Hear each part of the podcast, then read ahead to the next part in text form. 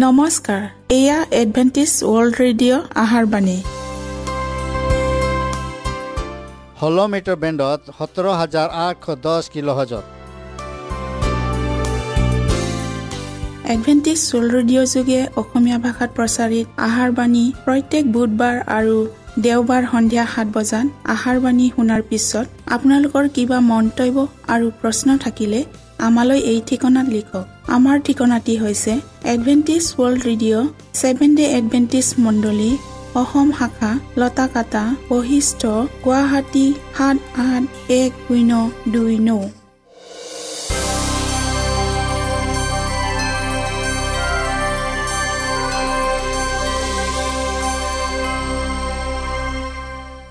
প্ৰিয় শ্ৰোতা বন্ধুসকল এতিয়া শুনো আহক এটি খ্ৰীষ্টীয় ধৰ্মীয় গীত।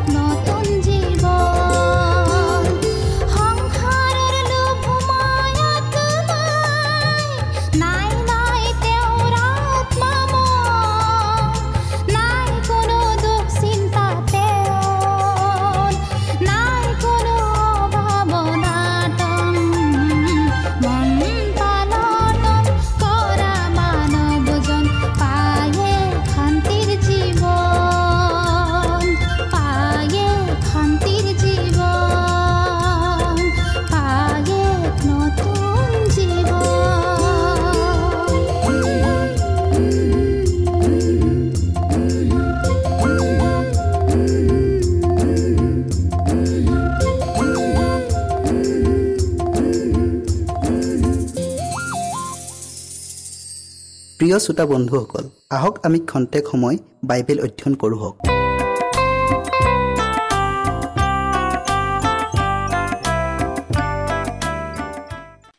বিষয় হৈছে মুদ্ৰাৰ ওপৰত চাপ।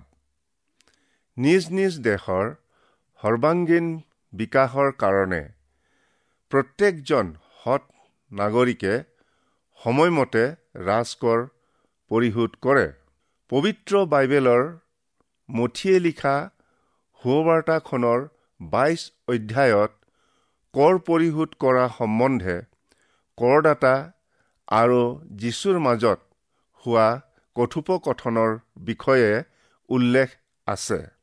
পাঠ কৰি যাওঁতে প্ৰিয় শ্ৰোতা বন্ধুসকলে মনোযোগেৰে শুনে যেন। তেতিয়া ফৰিচীবিলাকে গৈ কেনেকৈ তেওঁক বাক্যৰূপ ফাণ্ডত পেলাব পাৰিব। এনে মন্ত্ৰণা কৰি হেৰুদিয়া মানুহে সৈতে তেওঁলোকৰ শিষ্যবিলাকক তেওঁৰ ওচৰলৈ পঠাই কোৱালে হে গুৰু আপুনি সত্য আৰু সত্যৰূপে ঈশ্বৰৰ পথ দেখুৱাইছে আৰু কালৈকো ভয় নাৰাখে ইয়াক আমি জানো। কিয়নো আপুনি মানুহৰ মুখলৈ নাচায়।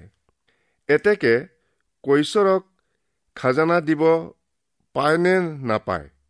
আপোনাৰ মনে কি ধৰে? আমাক কওক। তাতে যীশুৱে তেওঁলোকৰ দুৰ্মতি জানি ক'লে হে কপটীয়াবিলাক কিয় মোক পৰীক্ষা কৰিছা? সেই খাজানাৰ ধন মোক দেখুওৱা। তেতিয়া তেওঁলোকে তেওঁৰ আগলৈ আধলি এটা আনিলে। তাতে তেওঁ তেওঁলোকক সুধিলে এই প্ৰতিমূৰ্তি আৰু নাম কাৰ?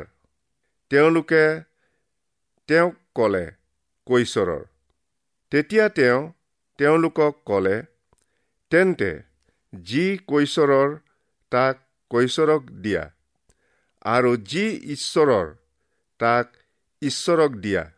ইয়াকে শুনি তেওঁলোকে বিস্ময় মানি তেওঁক এৰি গুচি গ'ল।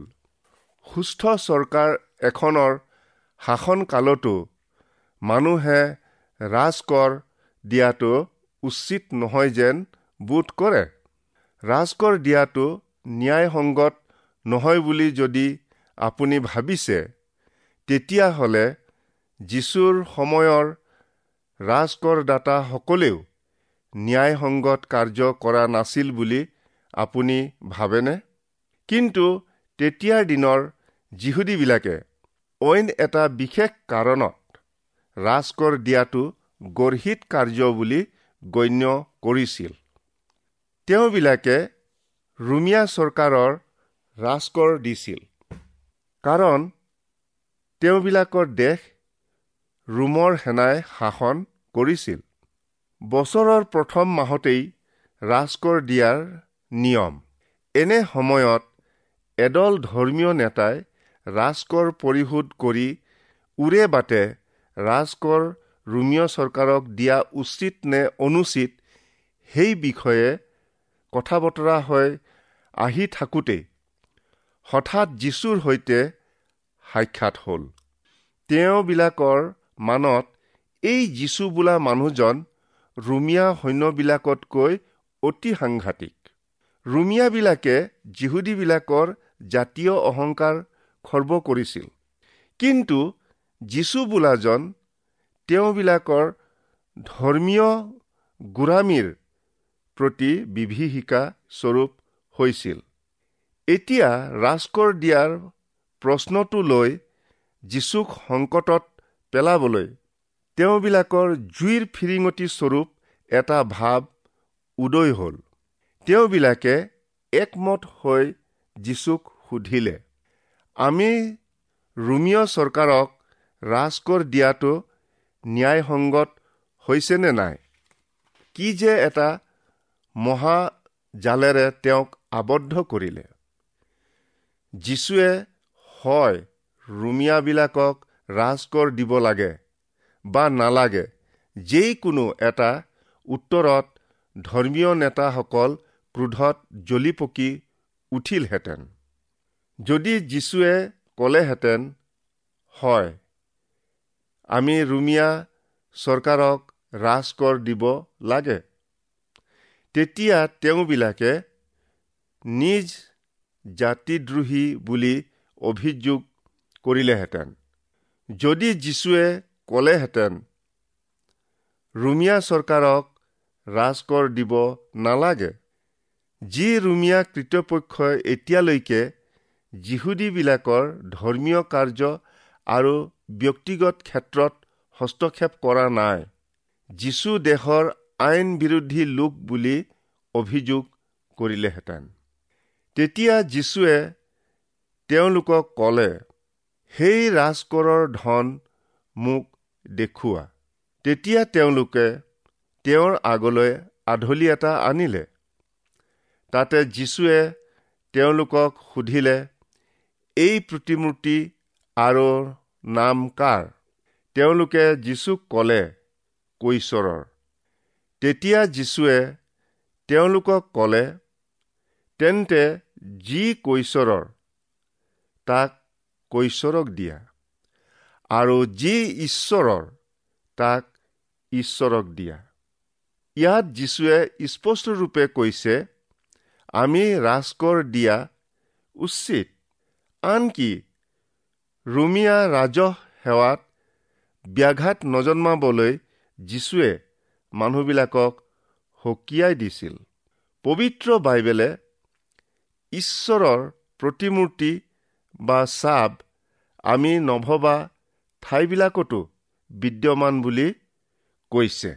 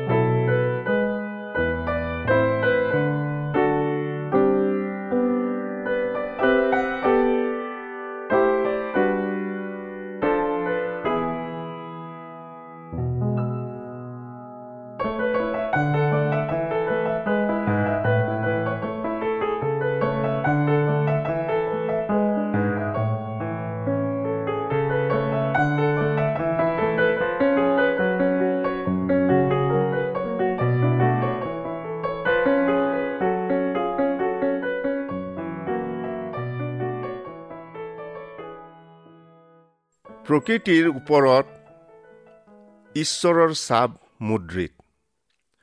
পবিত্ৰ শাস্ত্ৰত কৈছে গগন মণ্ডলে ঈশ্বৰৰ মহিমা প্ৰকাশ কৰে। আকাশ মণ্ডলে তেওঁৰ হাতৰ কৰ্ম দেখুৱায়। এই পৃথিৱীখন ঈশ্বৰৰ সৃষ্টি হোৱাত প্ৰকৃতিৰ চৌদিশে তেওঁৰ প্ৰতিবিম্ব প্ৰতিফলিত হৈছে। আমাৰ শৰীৰৰ ওপৰত ঈশ্বৰৰ চাপ মুদ্ৰিত। ঈশ্বৰৰ পবিত্ৰ বাক্যত কৈছে কিয়নো তুমিয়েই মোৰ অন্তকৰণ সৃষ্টি কৰিলা। তুমি মোক মাতৃৰ গৰ্ভতেই গঠন কৰিলা। মই তোমাৰ ধন্যবাদ কৰিম। কিয়নো মই ভয়ানক আৰু অদ্ভুত ৰূপে নিৰ্মিত হলো। তোমাৰ কাৰ্যবোৰ আচৰিত আৰু তাক মোৰ মনে ভালকৈ জানে। যেতিয়া মই গুপুতে নিৰ্মিত হৈছিলোঁ তেতিয়া মই পৃথিৱীৰ অধস্থ ভাগত চমৎকাৰ ৰূপে গঠিত হৈছিলোঁ। তেতিয়াও মোৰ সংলগ্ন অস্থিবোৰ মোৰ আগত লুকোৱা নাছিল। তোমাৰ চকুৱে প্ৰথমে উৎপন্ন হোৱা মোৰ আকাৰ দেখিলে আৰু মোৰ সকলোৱেই তোমাৰ বহীত লিখা আছিল। যি কালত সেইবোৰৰ এতিয়াও নাছিল সেই কালত মোৰ সকলো দিন নিৰূপিত হৈছিল। সৃষ্টিৰ আৰম্ভণি সপ্তাহত ঈশ্বৰে ক'লে আমি নিজৰ প্ৰতিমূৰ্তিৰ দৰে আমাৰ সাদৃশ্যেৰে মানুহ নিৰ্মাণ কৰোঁ হওক। এইদৰে আমাৰ শৰীৰৰ ওপৰত তেওঁৰ চাপ মুদ্ৰিত হোৱাত পবিত্ৰ বাক্যই কৈছে তোমালোকে নিজ শৰীৰক জীৱিত পবিত্ৰ আৰু ঈশ্বৰৰ গ্ৰহণীয় বলিস্বৰূপে উৎসৰ্গ কৰা। এয়াই তোমালোকৰ যুক্তিসংগত আৰাধনা। সেয়ে আমাৰ শৰীৰ ঈশ্বৰৰ মন্দিৰ হোৱা হেতুকে সূচী আৰু পবিত্ৰ কৰি ৰাখিব লাগে। আমাৰ পৰস্পৰ সম্বন্ধৰ ওপৰত ঈশ্বৰৰ চাব মুদ্ৰিত। মই তোমালোকক এটা নতুন আজ্ঞা দিওঁ যে তোমালোকে যেন পৰস্পৰে প্ৰেম কৰা। মই যেনেকৈ তোমালোকক প্ৰেম কৰিলোঁ তেনেকৈ তোমালোকেও যেন পৰস্পৰে প্ৰেম কৰা। নিজ সন্তানৰ প্ৰতি প্ৰেম স্বামী স্ত্ৰীৰ প্ৰেম বন্ধু বান্ধৱ আৰু চুবুৰীয়াৰ প্ৰতি প্ৰেম এই আটাইবোৰৰ ওপৰত ঈশ্বৰৰ চাপ মুদ্ৰিত হৈছে। আৰু পৰস্পৰে প্ৰেমৰ মাজেদি চলিলে। যীশুৱে কৈছে তোমালোকে যে মোৰ শিষ্য ইয়াক সকলোৱে জানিব। ঈশ্বৰে ইতিহাসৰ ওপৰত তেওঁৰ চাপ মাৰিছে। ঈশ্বৰৰ নাম যুগে যুগে চিৰকাললৈকে ধন্য হওক। কিয়নো জ্ঞান আৰু পৰাক্ৰম তেওঁৰেই। তেওঁ সময় আৰু কাল সলনি কৰে। তেওঁ ৰজাবিলাকক ভাঙে আৰু পাতে।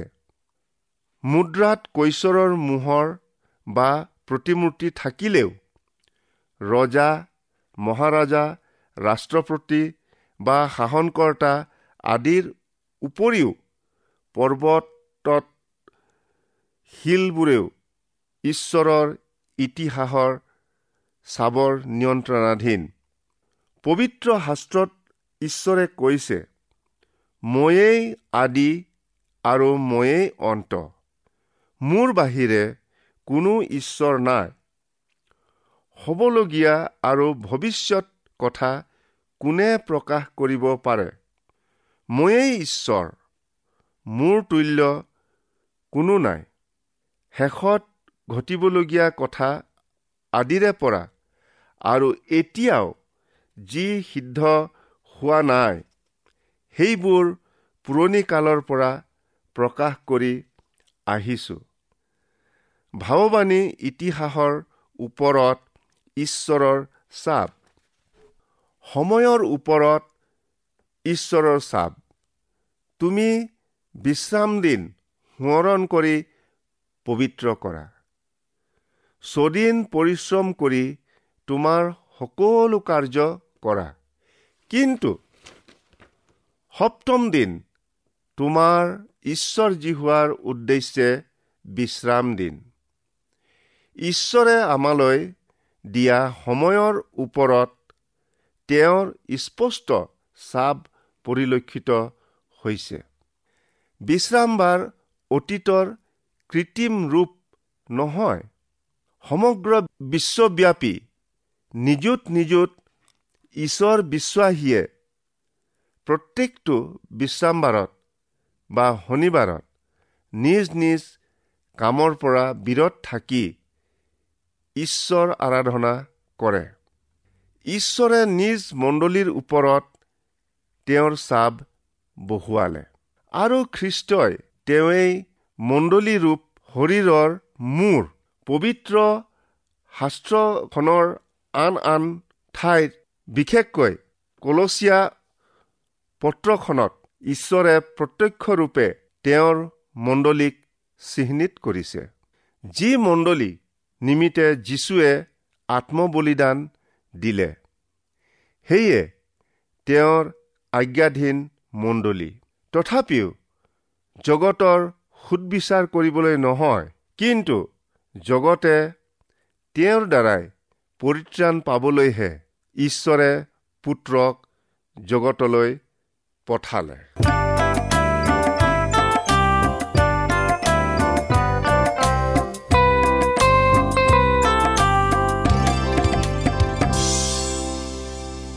ইমানপৰে আমি বাইবেল অধ্যয়ন কৰিলোঁ। এতিয়া আকৌ শুনো আহক এটি খ্ৰীষ্টীয় ধৰ্মীয় গীত।